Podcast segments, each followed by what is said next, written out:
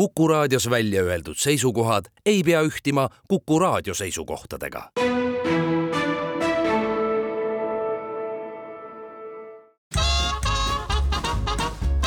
jäljed gloobusel tervist, kallid raadiokuulajad, üksteist on saanud kell ja mõned minutid peale on eh, uus kuu, veebruar. tere tulemast uude kuusse, tervitavad teid Jäljak Gloobused stuudiost nagu ikka Väino Laisaar ja Andres Karu suur tere ka minu poolt ja me ei ole sellel korral eh, sugugi mitte jälle kahekesi eetris, vaid eh, ütleme, teemad on endiselt mägised, nii nagu paar saadet tagasigi on ju, ja e, me ei ole ka siin sellises üdini testosteroonist, testosteroonist pungil e, keskkonnas, vaid meil on külas tütarlaps, keda Eesti Matkaliit on pärjanud e, kolmel korral erinevate saavutuste eest. kaks korda on pälvinud aasta matkaja tiitli ja nüüd eelmise aasta lõpus toimunud matkajuhtide kokkutulekul ka aasta mägironija tiitliga.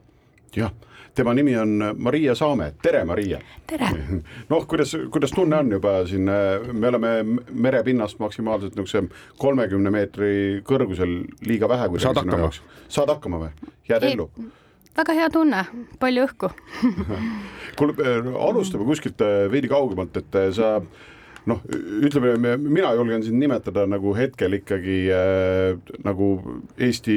tippalpinistiks ilma igasuguse kahtluseta, sest äh, seal noh, seal, seal, seal tipus on küll kitsas, aga sa täiesti oled sinna ilusasti ära mahtunud ja äh, respekt täielik äh, kõige suhtes, mis sa teed, aga hüppame korra lihtsalt sinu saadet alustades ikkagi sellesse, et kuskohast sa üldse tuled, mis, mis linna või mis küla ja talu tüdruk sa oled? mina olen sündinud Tallinnas ja üles kasvanud eh, Tallinna lähedal, Tõdval, metsa sees. Nii et väga, väga mägine ja. keskkond ei ole olnud? mitte kuigi. jah, et siis see Tõdva on see, mis, kui Rapla poole hakata sõitma, siis üsna varsti jääb sinna, sõidad Tõdvast mööda nii-öelda natuke läbigi. just. millega väike Marie tegeles siis, kui ta oli pisike, kas juba teadis varasest noorusest, et tema jäljed hakkavad kunagi katma kõrgeid mäetippe või, või olid sul alguses ikkagi teised plaanid, tahtsid saada sanitariks või loomaaiatöötajaks? mul polnud umbes esimesed kakskümmend aastat minu arust polnud vähimatki ettekujutust, et ma hakkan kunagi kõrgetel mägedel käima, et ma hoopis no neljandast eluaastast või isegi, isegi varem olen tegelenud terve elu hoopis muusikaga et viiulit mänginud jah, nelja-aastaselt hakkasin õppima ja, ja juba kuskil teismelisena olin ma kindel, et minust saab professionaalne muusik, professionaalne viiuldaja. Ja ja kuna ma käisin sellises süvendatud õppe, muusikaõppega koolis, Tallinna Muusikakeskkoolis, siis noh, seal oli nagu see tee juba ette antud, et äh, kas see, küsin korra niimoodi, et kui sa neljandast eluaastast hakkasid, et siis see, ma ikkagi tahaks nagu öelda, et alguses see ei olnud päris sinu valik, on ju? nii ja naa, no mul vanem õde hakkas enne õppima ja ega keegi mind nelja-aastasena ei tahtnudki alguses eh, panna pilli õppima, aga ma ise nii väga nõudsin, et, et tahan ja siis pandi natuke varem ma mõtlen praegu, kui ma mõtlen oma tütre peale, kes on hetkel kuus, kui mõtleks, et kaks aastat tagasi talle viiul kätte anda, siis see kõlab nõnda, et mm. eh, maailm sellest paremaks ei saa muidugi, aga noh, sul vist läks teistmoodi, et hakkas meeldima ja ja areng oli vist eh, üsna hoogne või? ja üsna hoogne, et ma käisin noh, konkurssidel palju ei käinud, aga ma olin ikkagi edukas selles, mida ma tegin, et juba, juba enne kui täisealiseks sain, andsin kontserte, korraldasin ise oma kontserte ja, ja mul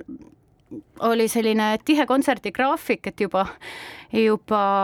vahel kolm-neli kontserti päevas isegi mm. -hmm kas see Aga... muusikakeskkoolile tuli ka loogiline jätk tõenäoliselt on ju Muusika- ja Teatriakadeemias? jaa, Muusikaakadeemias siis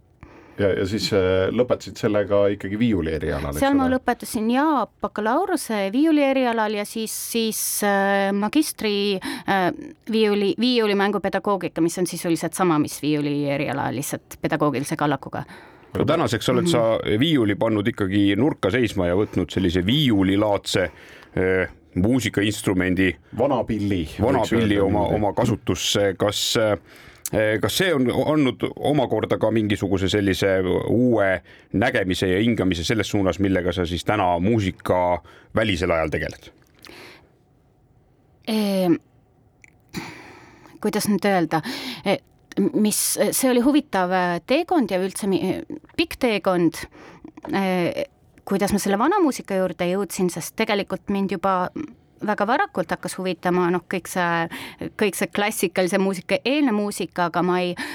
ma alguses ei teadnud, et äh, see, mil, kuhu ma välja jõuan, on just keskaeg, et mind huvitas barokk, kuueteistkümnes, seitsmeteistkümnes sajand ja, ja lootsin, et tulevikus hakata õppima barokkviiulit, aga kuidagi selliseid ümberkaudseid teid mööda jõudsin hoopis äh, keskaja muusika juurde. Mm -hmm. see pill, mida sul vist on, ma sain aru, mitu tükki ka kodus, kannab nime Fidel kui sa eh, noh, tõenäoliselt eh, üheksakümne kuuele protsendile raadiokuulajatest tegelikult kohe silme ette ei tule, milline on mhm. Fidel. ütlen ausalt, ka mulle ei tulnud enne, kui ma seda pilti vaatasin. kui sa kirjeldaksid natukene, milline pill see on ja mille poolest ta näiteks meile palju tuttavamast viiulist erineb? Eh, no Fidel on viiuli eelkäija kuskil sajanditest kolmteist, neliteist, noh, tegelikult laiemalt isegi kaksteist, kaksteist kuni viisteist, aga neid fiidleid on erinevat tüüpi, erineva suuruse kujuga, neid võib mängida põlvede vahel või õla peal, mina mängin õla peal. Ja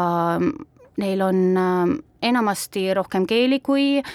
viiulil, tavaliselt viis aga see oleneb ka tüübist, natuke teistsugune häälestus, et kui viiul on, viiulil on kvart- eh,, kvinthäälestus, siis fiidil võib neid häälestusi olla erinevaid mm. -hmm. aga üldjuhul ta, eh, kas ta on eh, viiulist eh, natukene suurem, natukene väiksem? natukene suurem enamasti, võib-olla see... nagu viola. kas see annab talle sellist nagu äh, laia kõla nagu ka kuidagi juurde? Pigem eh, noh, sõltub, kui madal pill on, aga eh, pigem on tal just selline pehmem kõla et kui viiulikõla on hästi läbilõikav, et suures kontserdisaalis nagu ulat-, ulatub kaugele, siis fiidel on mahedam. et naabrid ei äh, ärritu, kui sa mängid seal hilja õhtul, et nagu viiuli puhul. aga kas ta pigem on äh, nagu äh, või ajalooliselt ka, et kas ta oli nagu soolopill või pigem nagu ansamblipill, et? Äh, pigem ansamblipill, et kogu see Keskaja muusika tegelikult oli ansamblimuusikat, kasutati väga palju fiidlit lauljate saatmiseks, mulle väga meeldib, väga meeldib lauljatega koos tööd teha, sest ma ise ka laulan ja seda no eh, pilli mängimine nii orkestris kui ka mõnedes kindlasti ansamblites soodustab eh, sellist eh, reisimist. ma saan aru, et tegelikult sinuga varajasem elupõlv on ikkagi sind mööda maailma erinevaid punkte ringi kandnud, nii õpingutega liikunud Euroopasse, siis tundus, et kuidagi jääb väga paikseks, võtsid jalgratta, sõitsid igaks juhuks Euroopa läbi ja, ja siis omakorda hakkasid juba otsadega jõudma mägedeni, aga ma just mõtlen, kuidasmoodi see teekond mägedeni võis välja näha, et, et mängisid oma seda uhket eh, viiuli moodi pilli ja vaatasid, et poogen kogu aeg eh, osutab kuhugi kõrgustesse. Ja, ja sellest tekkis mägede huvi või, või mis oli selleks esimeseks ajendiks? ei, tegelikult oli niimoodi, et ma hakkasin mägedes käima ja reisima enne juba, kui ma, kui ma kui ma vanamuusikat läksin õppima Šveitsi, noh, selle ma ütlesin juba ära nüüd ette, mhm. aga mis sinna eelnes, oli see, et tegelikult ma pidin, siin natuke tõsisemad põhjused, et ma pidin viiulimängust pikema pausi võtma, kuna mul tekkisid kuskil eh, akadeemia teisel kursusel probleemid õlaga, ülekoormusest, mul hästi tihe noh, liiga palju harjutasid no,? jaa, harjutasin palju ja ilmselt võib-olla ei harjutanud kõige teadlikumalt, aga see protsess hakkas ilmselt juba palju varem, et kes see ikka, kes see ikka lapsena, lapsena või teismelisena nii teadlikult harjutab, et võib-olla olin selline varaküps noor ka, et et tahtsin saavutada rohkem, kui võib-olla oli mulle eakohane mm -hmm. ja ja ühel hetkel sain aru, et, et äh, nüüd peab, nüüd peab väikse pausi võtma ja ja need, need pausid, no nende pauside ajal siis äh, ma hakkasingi käima pikematel reisidel, noh, see oli selline eneseotsing ja, ja mingis mõttes ka maailma avastamine, et ma lapsena ei saanud palju reisida, ei olnud selleks võimalusi. Ja siis siis ühel hetkel sai aru, õppisin neid noh, kuidas e, no esimestest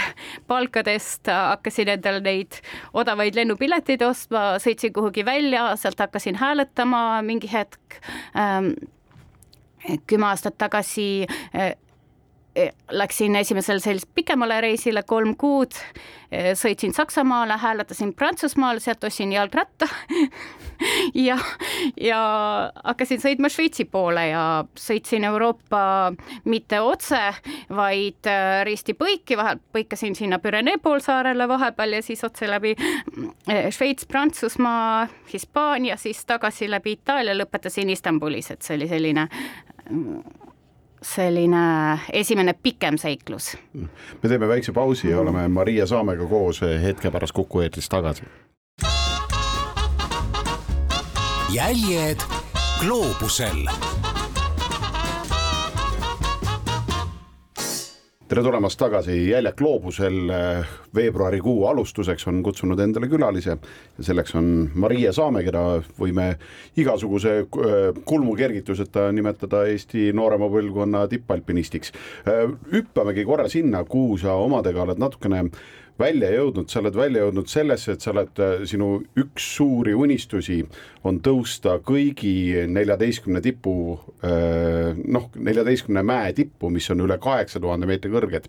ja sa oled neist minu andmetel hetkel ära jõudnud käia kolm. jah aga see unistus, noh, ta ei tulnud kuskilt, kuskilt õhust, ma alpinismiga ikkagi olen tegelenud päris palju aastaid, et et ma rääkisin siin sellest, et kui, kuidas ma pärast õpinguid hakkasin või õpingute ajal hakkasin reisima mööda Euroopat ja siis, siis tuleks ka natuke rääkida sellest, kuidas ma ikkagi alpinismi juurde jõudsin, et ähm,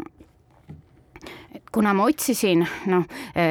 tudengina igasuguseid odavaid ja alternatiivseid võimalusi reisimiseks, siis juhtus, et ma veetsin ühe suve Euroopa vabatahtliku teenistuse projektiga eh, eh, Prantsuse Alpides, see oli kaks tuhat kaksteist ja seal mul olid mäed ümber ja meil oli vabu päevi ja igal nädalavahetusel käisime kuskil matkamas ja siis mul tekkis see, tekkis see kinnisidee, et noh, see Mont Blanc on seal lähedal, et võiks suve lõpus, et enne koju ei lähe, kui käin seal tipus ära. ja ja enne seda tuli veel käia äh, nelja tuhande, äh, tahtsin käia kuskil nelja tuhande peal, et sattusin siis, sattus siis niimoodi, et kuidagi kokku laenatud varustusega ja äh, kokku laenatud varustusega ilma igasuguste teadmiste-oskusteta käisin siis käisin siis kaks korda seal üle nelja tuhande peal ära ja, ja siis sain aru, et päris nii ikkagi asjad et noh, väga tore, aga päris nii ikkagi asjad ei peaks käima, et võiks midagi osata ja teada ka ja, ja sealt edasi ma jõudsin siis Jaan Künapi alpinismiklubisse. ma küsin sellist asja, äh, mina olen aru saanud, minu keha ei taha mäest üles minna, mina ei saa hakkama seal kõrgele minemisega ja mul saab see lõhk otsa. kas nendel kogemustel, mida sa praegu kirjeldasid, oli alus äh, ka selles, et sa mõistsid, et sinu keha on kuidagi nende kõrguste jaoks paremini ette valmistatud, et, et noh, kui oleks sa olnud puhkpillimängija, siis oleks aru saanud, et on nii-öelda kopsumaht on suurem ja, ja saad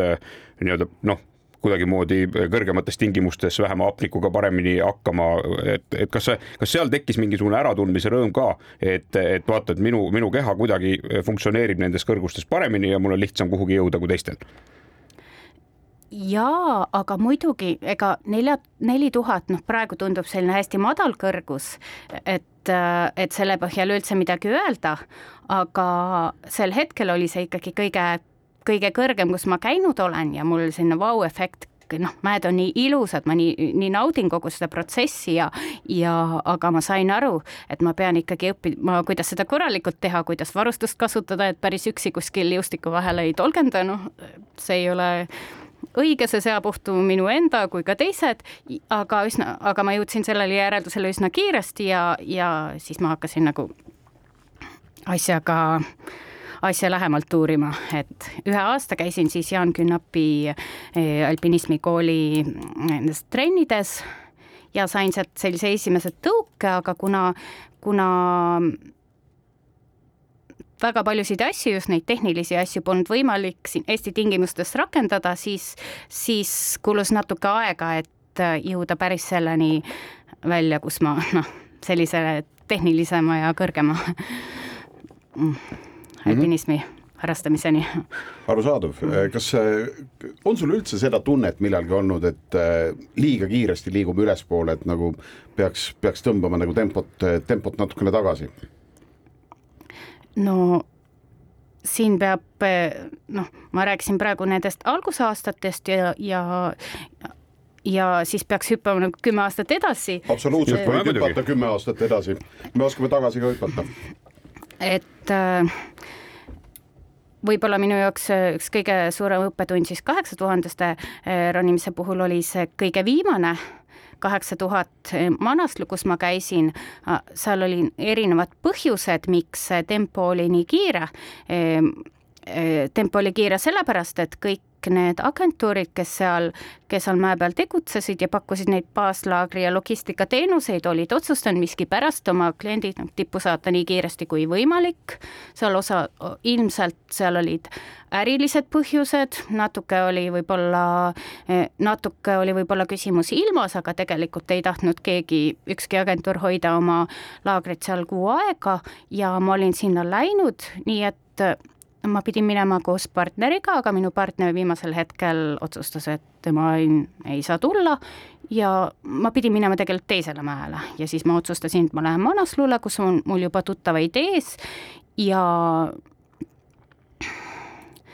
ja ma otsustasin võtta selle riski, et,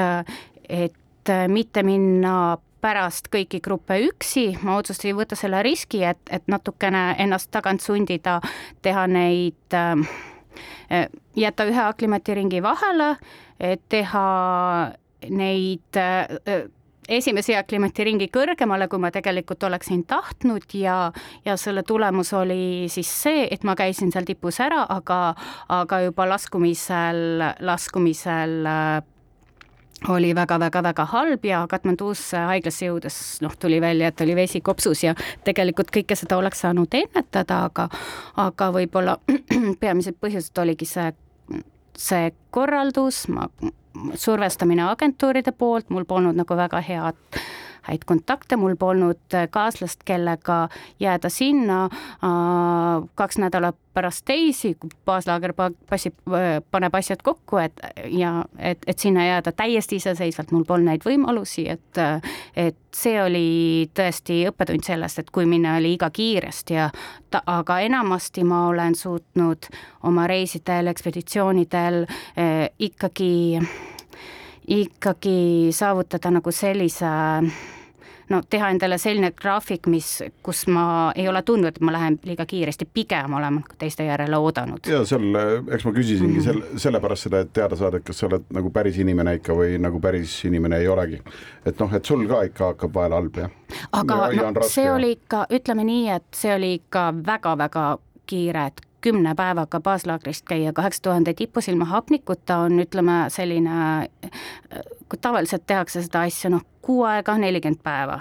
et see oli mm -hmm. võib-olla selline ekstreemne näide mm. -hmm. räägime korra sellest, et kui, äh, kui nagu äh, alpinist äh, tahab minna mõnele tehnilisele marsruudile, et siis on ilmselgelt on ju, et ta peab enne seda treenima ja ideaalis treenima koos nende inimestega, kellega koos ta sinna tippu läheb. et ku, kuidas sinul näiteks üldse treening välja näeb või kuidas sa ennast mäeks üldse ette valmistad, kui sa tead, et sul on ükskõik, see ei pea olema kaheksa tuhandene, aga sa tead, et sul on üsna kõrgel vaja tehnilist marsruuti minna, et me, mis sa selleks üldse teed, et selleks valmis olla? no minu eelis on see, et ma olen vähemalt viimased, no viimased seitse ja pool, pool aastat ma olen elanud Šveitsis, et mul jäi võib-olla äh, siin enne ütlemata, äh, kui ma rääkisin vanamuusikast, et ma mingil hetkel otsustasin äh, minna Šveitsi õppima keskaja muusikat ja kuigi päris algusaegsel läks täiel määral õpingutele, ma üsna kiiresti hakkasin, hakkasin ka noh, leidma endale kaaslasi, kellega mägedes käia, et see selline tehniline alpinism sai alguse ikkagi, ikkagi Šveitsis, et enne ma käisin nagu mägedel, mis olid sellised kõrged lumenõlvad, et Lenini tipus seitsme tuhande peal käisin ära kaks tuhat kuusteist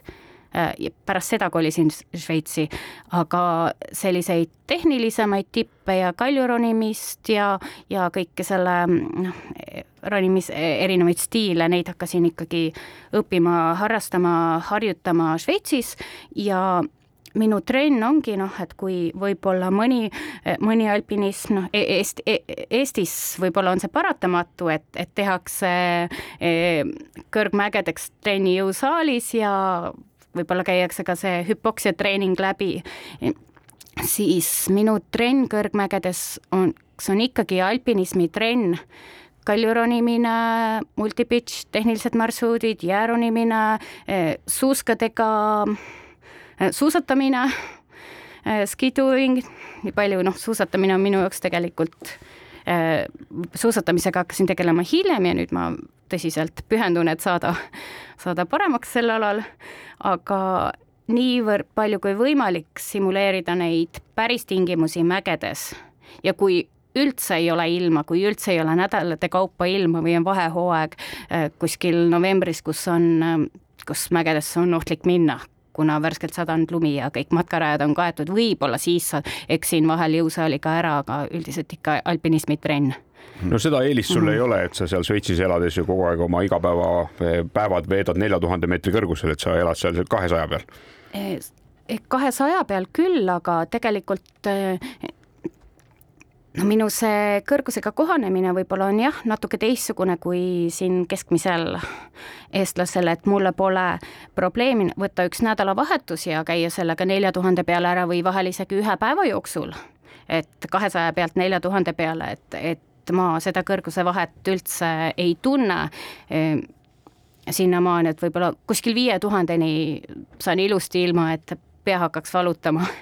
Äh, suhteliselt ühe jutiga, aga see on ka tänu sellele ilmselt äh,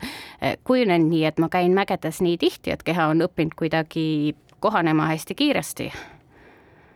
arusaadav, mhm. me oleme Maria Saamega hetke pärast tagasi. jäljed gloobusel nõnna, Kuku kuulaja, paus on jälle läbi ja Jäljed gloobusel on eetris tagasi ja stuudios täna Karu Vänts ja Marie Saame ja, ja räägime juttusid, mis ikkagi kipuvad kõrgustesse. ja kui tuua nüüd eh, üks paralleel siia, siis eh, minu hää eh, saatekaaslane Karu on võtnud endale kavaks, nagu te kõik teate, käia kõikides maailma riikide kõige kõrgemates tippudes, mis noh, minu tagasihoidliku vaate järgi on palju lihtsam ülesanne, kuna osad nendest on väga madalad, siis eh, meie saatekülaline Marie Saame on võtnud kavaks ära käia kõik kaheksa tuhandesed tipud, mida vist on mingi neliteist. Jah, nii, nii on, äh, äh, see on tiba kõvem jah, kuigi ma pean ütlema, et kui ma oma listile otsa vaatan, siis midagi ei ole teha, on ju. Äh, top kolm kõrguselt tipud ehk siis Everest, mis on siis Hiina ja Nepaali vahel jagatud K2, mis on Pakistani kõrgem tipp ja tegelikult Kangchenjunga, mis on Äh, maailma kõrguselt kolmas ja on India kõrgem tipp, tegelikult on minu listis ka olemas, aga noh, mida aasta edasi, seda vähem ma nagu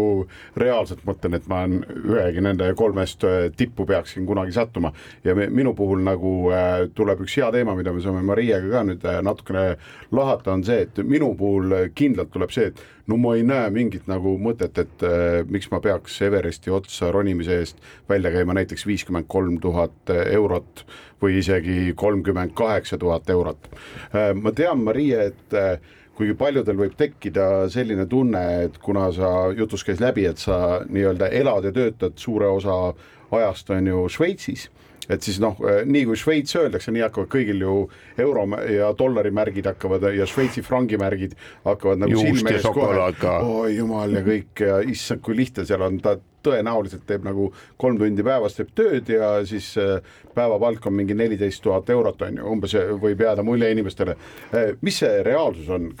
kas kas ma tean, et äh, sa oled teinud mingeid ekspeditsioone nõnda, et sa oled üle kümne korra vähem maksnud selle eest kui see, kes on võtnud nii-öelda täispaketi. kuidas sa seda teed siis ja ku, kuidas on võimalik mägedes käia nii, et ei kuluta kümneid tuhandeid? jah, noh, see jutt, et äh, või kui nagu keegi peaks eeldama, et noh, ma elan Šveitsis ja siis, siis seal äh,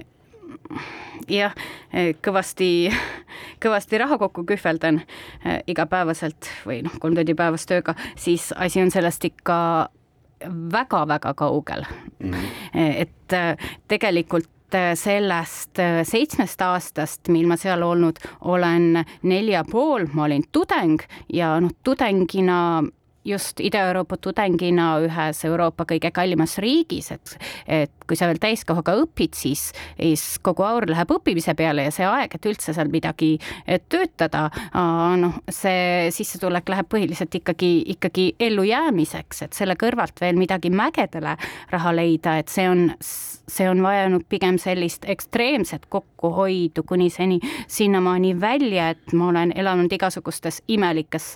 eh, kohtades, pooleliolevates majades ja kõige keerulisematel perioodidel üldse autos või kämpingus mm. -hmm. kui ma Šveitsi kolisin, noh, selline väike tore vahelugu on see, et, et äh, ma kolisin Šveitsi ja noh, mul polnud seal elamist või vähemalt elamist, mida ma oli äh,, suutsin endale lubada ja siis, siis äh,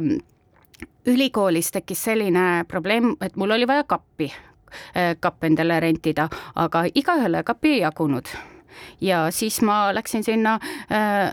raamatupidamisse või mis see oli, et ütlesin, et, et, et mul on vaja oma pilli jaoks kappi, sest ma elan telgis kämpingus ja mul ja mul ei ole seal kuhugi pilli panna, et niiskus ja, ja siis, siis nad vaatasid suured, suurte silmadega ja muidugi andsid mulle kapi ja siis, siis nad pidasid nõu seal juhtkonnas, et ja siis kuidagi õnnestus neil leida mulle välja vaadata mingisugune stipendium, mis oli nagu suurem kui see tavaline kooli mhm. stipendium, sest kuidas saab nii olla, et noh, üliõpilane elab kuskil telgis, aga mul see oli nagu väga-väga rahulik. jah.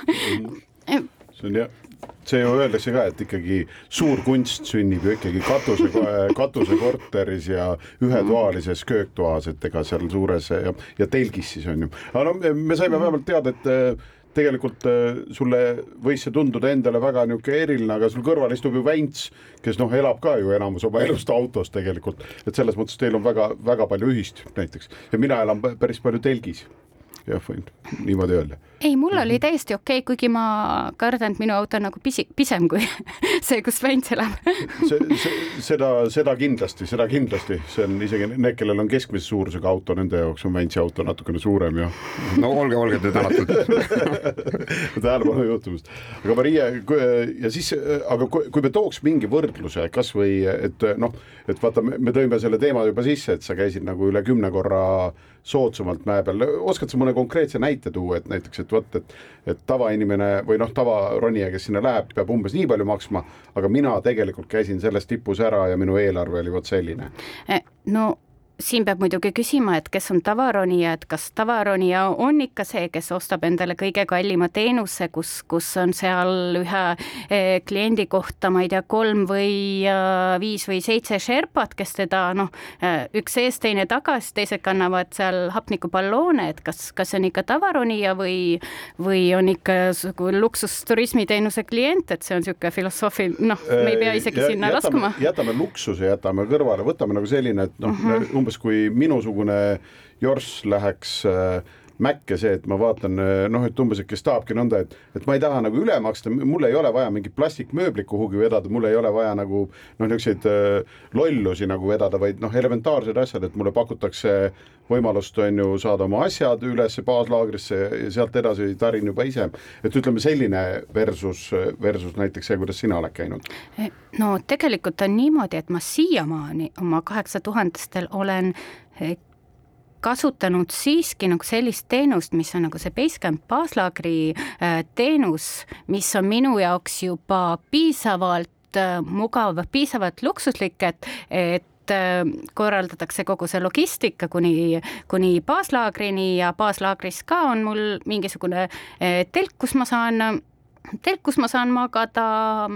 võtta, süüa teha ei pea ise tegema, ma, see on minu jaoks nagu täiesti juba piisavalt luksuslik, sest teistel madalamatel seitsmetuhandestel mägedel või kuskil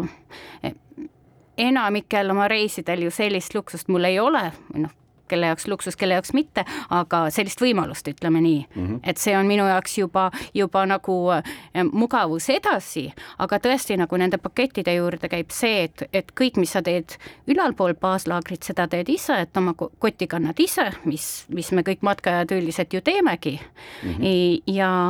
keegi keegi kõrglaagrites sulle süüa ei tee, keegi noh, keegi su hapnikku või kotti ei kanna, telki üles ei pane, telgikoha kaevad ise ja, ja tegelikult see, see ei tohiks olla midagi erilist, et see ongi alpinism nagu, nagu. selles ehedas mõttes jah mm? -hmm. aga kui nüüd äh, panna sinna siis ikkagi, et inimesed ikkagi aru saaksid, et panna mingid numbrid kõrvale, siis saad sa meid nendega ka aidata. noh, lihtsalt, et mingi suurusjärkude arusaamagi oleks? no ütleme, sellise baaslaagri teenusega käib ka kahel ära kuskil kuue tuhande dollariga, pluss siis tulevad lennupiletid juurde, aga samas selline eh, natukene, natuke prominentsem eh, no Pakett. teenusepakkuja võib küsida selle eest kuskil noh, ma olen näinud sellist hindu nagu üheksakümmend viis tuhat ja isegi sada pluss et see on kuskil viieteistkordne vahe, et, et okay. mis neil siis rohkem on ja kui sa selle võrdluse veel tood ka, K2 siis noh, igaks juhuks kuulete, et on kaheksa tuhande kuuesaja üheteistkümne meetrine siis Pakistani kõrgem tipp, mis ühtlasi on siis maailma kõrguselt teine Everesti järel ja seal siis, kui sa ütled kuus tuhat, siis kas selle võrdluse ka, et palju sellest on nii-öelda see mäemaks või noh, et mida riik saab selle eest, oskad sa niimoodi ka välja tuua? See oli kusagil kaks tuhat aga siis nad tõstsid hindu, praegu peaks olema kolm tuhat inimese kohta, aga tegelikult see sõltub natuke, kui palju inimesi on grupis, mis hetkel äh, taotled seda mäeluba, sellepärast et Pakistanis on tavaline see, et et jah, mäeluba on äh, kõige odavam äh, teha seitsmele inimesele et kui on seitsmene grupp, siis on see kõige kasulikum, aga agentuurid ise tegelevad sellega, et mitme, need mäeload tihti äh, pannakse kokku nagu mitme, mitme agentuuri klientide peale, et mm, -hmm. et äh, et tihti isegi ronijad ei pea sellega ise tegelema, see on siis, kui võetakse see baaslaagri teenus, muidugi on võimalik isegi väiksemate kuludega, kui baaslaagri teenust mitte kasutada mm. -hmm kas see tundub, sulle ei jäta see seda muljet, et et ta pärsib sinu äh, tõenäosust tippu jõuda, kui sa ei võta suuremat ja rohkema toega paketti? Äh, pigem vastupidi, sellepärast et äh, mina olen kolm suve Pakistanis teinud koostööd agentuuriga, kes on nagu hästi noh, no kõigepealt, kõigepealt see aeg, et mul, kui mulle antakse mäeluba kaheks kuuks, siis ma võin või üheksakümneks päeva, ei, mitte üheksakümneks, nelikümmend viis või viiskümmend,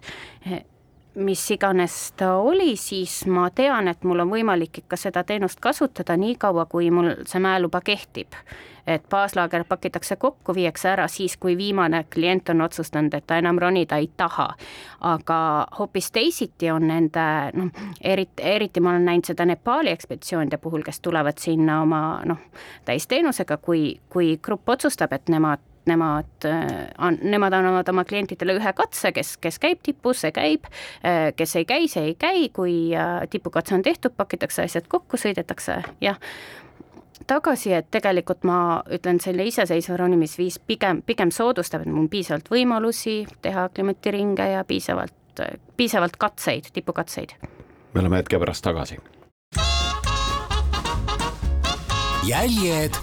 gloobusel tere tulemast tagasi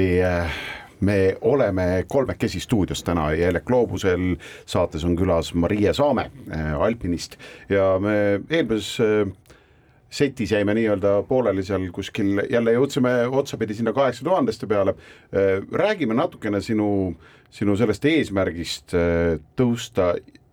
kõigi neljateistkümne üle kaheksa tuhande meetrise mäe tippu, siis mul esimene asi, mis meil nii-öelda Äh, eetriväliselt me oleme juba enne ära rääkinud, on see, et sa mitte ainult ei taha seda teha ilma lisahapnikuta, vaid nüüd sa otsid ka natukene keerulisemaid radasid, aga räägime kõigepealt sellest hapniku poolest, et äh, minu teada vist äh, siiamaani näiteks ka Everesti otsas käinud eestlastest peaaegu kõik on kasutanud tegelikult lisahapnikku, on see tõsi? no Everest on pisut keerulisem teema, sellepärast et, et kui äh, näiteks Pakistanis oli, oli ütleme äh, aastakümneid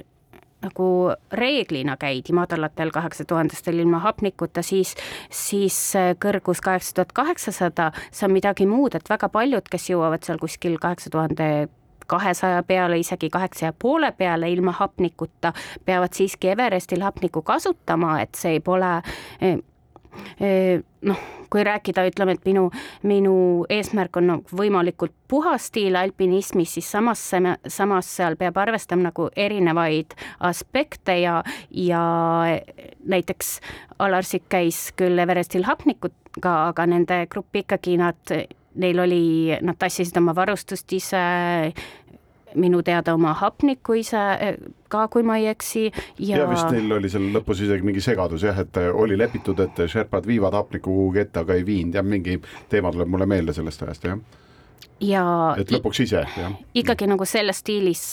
isegi kui käid hapnikuga, on niimoodi käia oluliselt raskem kui see, et noh, mõni käib ilma hapnikuta, aga tal, tal äh, mitu Sherpat jooksevad kõrval ja, ja hapnikuballoonid tegelikult kaasas, kui midagi juhtub, siis noh, et psühholoogiliselt on sa ikkagi isegi selline ilma hapnikuta käimine palju lihtsam kui see, et käid iseseisvalt ja kannad ise oma hapnikku, et seal peab nagu kõiki aspekte arvestama ja see, mis kas seal on see eelis ka, et kui sul seal kuskil kõrgmäestikus ja sa oled hapnikuga üles läinud ja hapnikuga midagi juhtub ja sul on kõik need äh, aklimatid jäänud vahele tänu selle hapniku kasutamisele no,, siis on selle võrra ju veel ohtlikum olukord. just nimelt, et, et äh, hästi palju on nagu seda diskussiooni, et kas on üldse äh,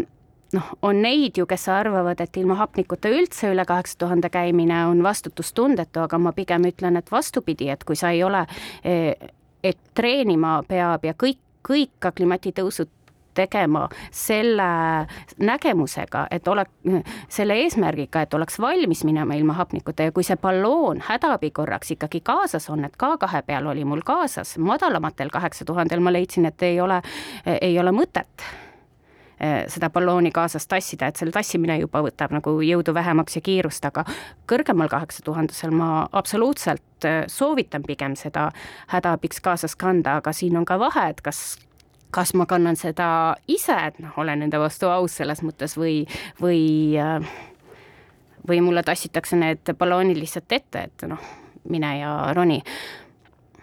Mhm. sind, sind siis nagu jah, sa oled nagu K2 peal, sa oled proovinud nii-öelda kaheksa poolest ka kõrgemale minna, et et hetkel su siis kõrgem punkt on siis äh, Manaslu tipp, eks ole, mis on tippudest ja. ja kaheksa tuhat ükssada kuuskümmend kolm meetrit. Äh, ja K2-l jõudsin umbes sellele umbes kõrgusele. -hmm. okei et seal, seal sul oli veel äh, nii ühel kui teisel oli siis täitsa okei okay olla no Manaslust ma juba rääkisin, mul tekkisid probleemid tänu sellele, et ma eh, läksin liiga kiirus, kiirust, kiiresti, aga, aga no korraliku aklimati puhul ilmselt poleks mingit probleemi olnud jah Mm -hmm. aga see kaheksa ja pool on ikka küsimärk, et kas, et kuidas mu keha sellele hapnikupuudusele reageerib, et selles mõttes lubadusi anda eh, nagu sajaprotsendiliselt ei saa, aga aga luua parimad võimalikud tingimused, et see ikkagi õnnestuks ma küsin korra tagamaade kohta mm, -hmm. sul on plaan kõik kaheksa tuhandesed ära käia või üle kaheksa tuhande on ju.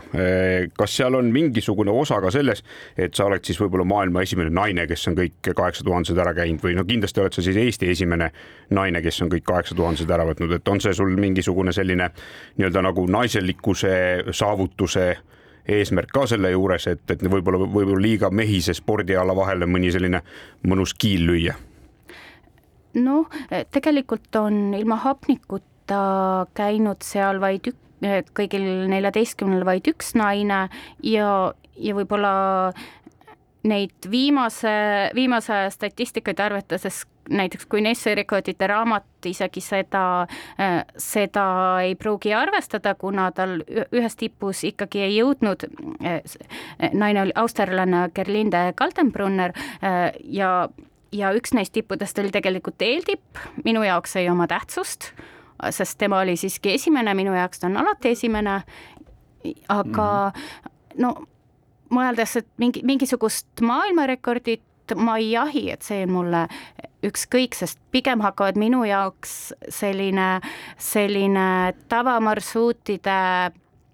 tavahooajal see stiil hakkab juba ka ennast ammenduma, et ma pigem eh, tulevikus olen mõelnud, et, et kaheksa, jah, et Aha. olen mõelnud talvistele tõusudele kaheksa tuhande peal eh, ja selliseid huvitavamaid marsruute mööda. kas tegelikult on ju võimalik ka mm. teha esmatõuse veel ka mingitele kuuetuhandestele kindlasti, kas mõni seitsmetuhandene, ma tean, et kõige kõrgem üldse käimata tipp on on äh, siis äh, Bhutani kõrgem tipp, mingi seitse tuhat kuussada, aga kas mõni seitsmene on jäänud äh, ka täitsa käimata kuskil ja Hiinas seits, näiteks? jaa, seitsmetuhandesi on küllalt veel, mis on käimata ja võib-olla selline pikem eesmärk ongi ja et neliteist tippu ei ole sugugi ainuke eesmärk, võib-olla selline kõige puhtam ja seikluslikum ja väärikam mägironimine minu jaoks ongi noh, tähendabki esmatõuse ja uusi marsruute, aga selleks, et teha seitsme ja poole tuhande kõrgusel eh, esmatõus või uus marsruut, peab olema eh, see võime kõrgusega kohaneda ilma hapnikuta ja ilma lisa nende eh, tugiteenusteta vähemalt kuskil kaheksa tuhandeni peab olema nagu kindlalt see baas, et, et sa tead, et, eh, et seitsme ja poole peale ei lähe järsku pilt eest ära kõrgushaigus ja ma ei tea, mida, sest. sest sinna vist ei tule appi kedagi enam, sinna ei tule kedagi appi, jah mm. -hmm. et see ettevalmistus peab olema nagu üle selle kõrguslikus mõttes ka kes on äh, sul on Šveitsis on ühed äh, nagu, kellega koos sa ronid, aga näiteks Eesti, äh, kes on sinu toredad ronimiskaaslased, kellega sa kõige,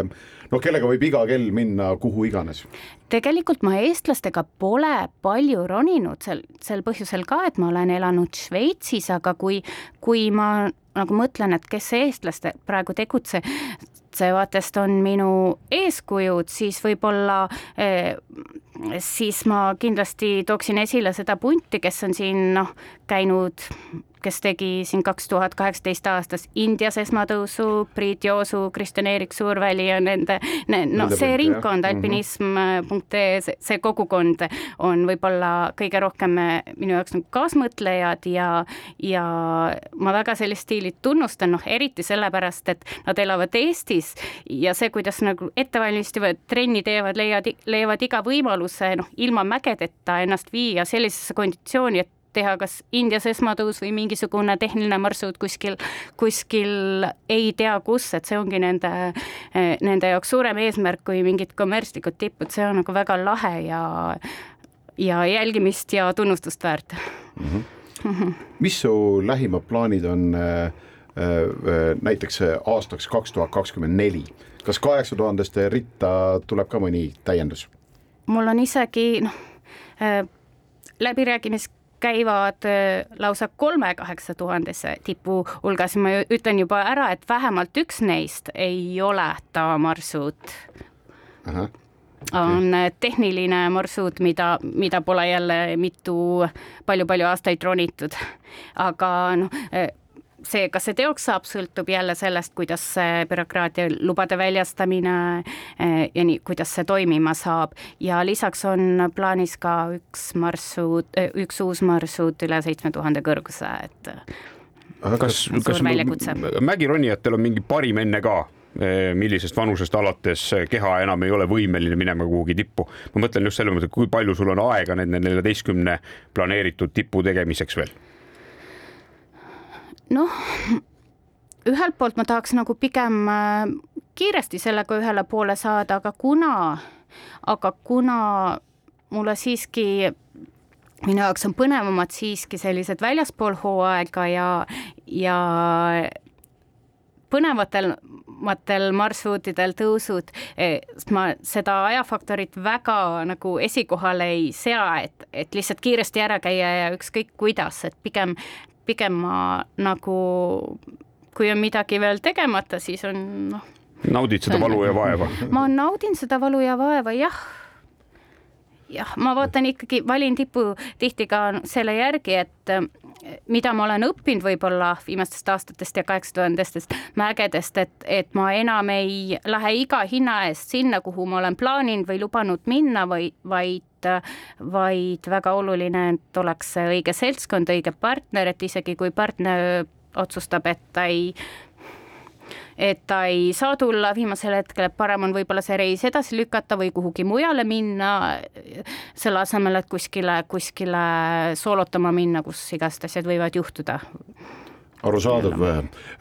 Marie, me eriti Šveitsist ei saanud rääkida ja kuna me Väntsiga ei ole kumbki liiga palju Šveitsis käinud, aga mõtlesime, et see on riik, mis vääriks tähelepanu, siis kui sulle sobib, siis me kutsume su ka järgmisesse saatesse ja räägime veel sinu tegemistest ja Šveitsist, aga igal juhul aitäh sulle tänase eest. palun ja, aitäh teile. ja nagu ikka Jäljak Gloobusel stuudios lisaks külalisele olid veel Väino Laisaar ja Andres Karu. suur tänu kuulamast ja püsige avarad